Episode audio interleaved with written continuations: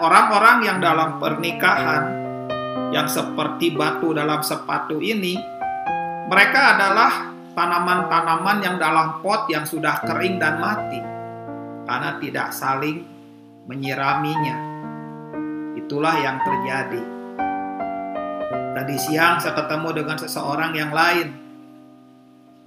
Dia bertanya, nanti malam khotbah tentang apa?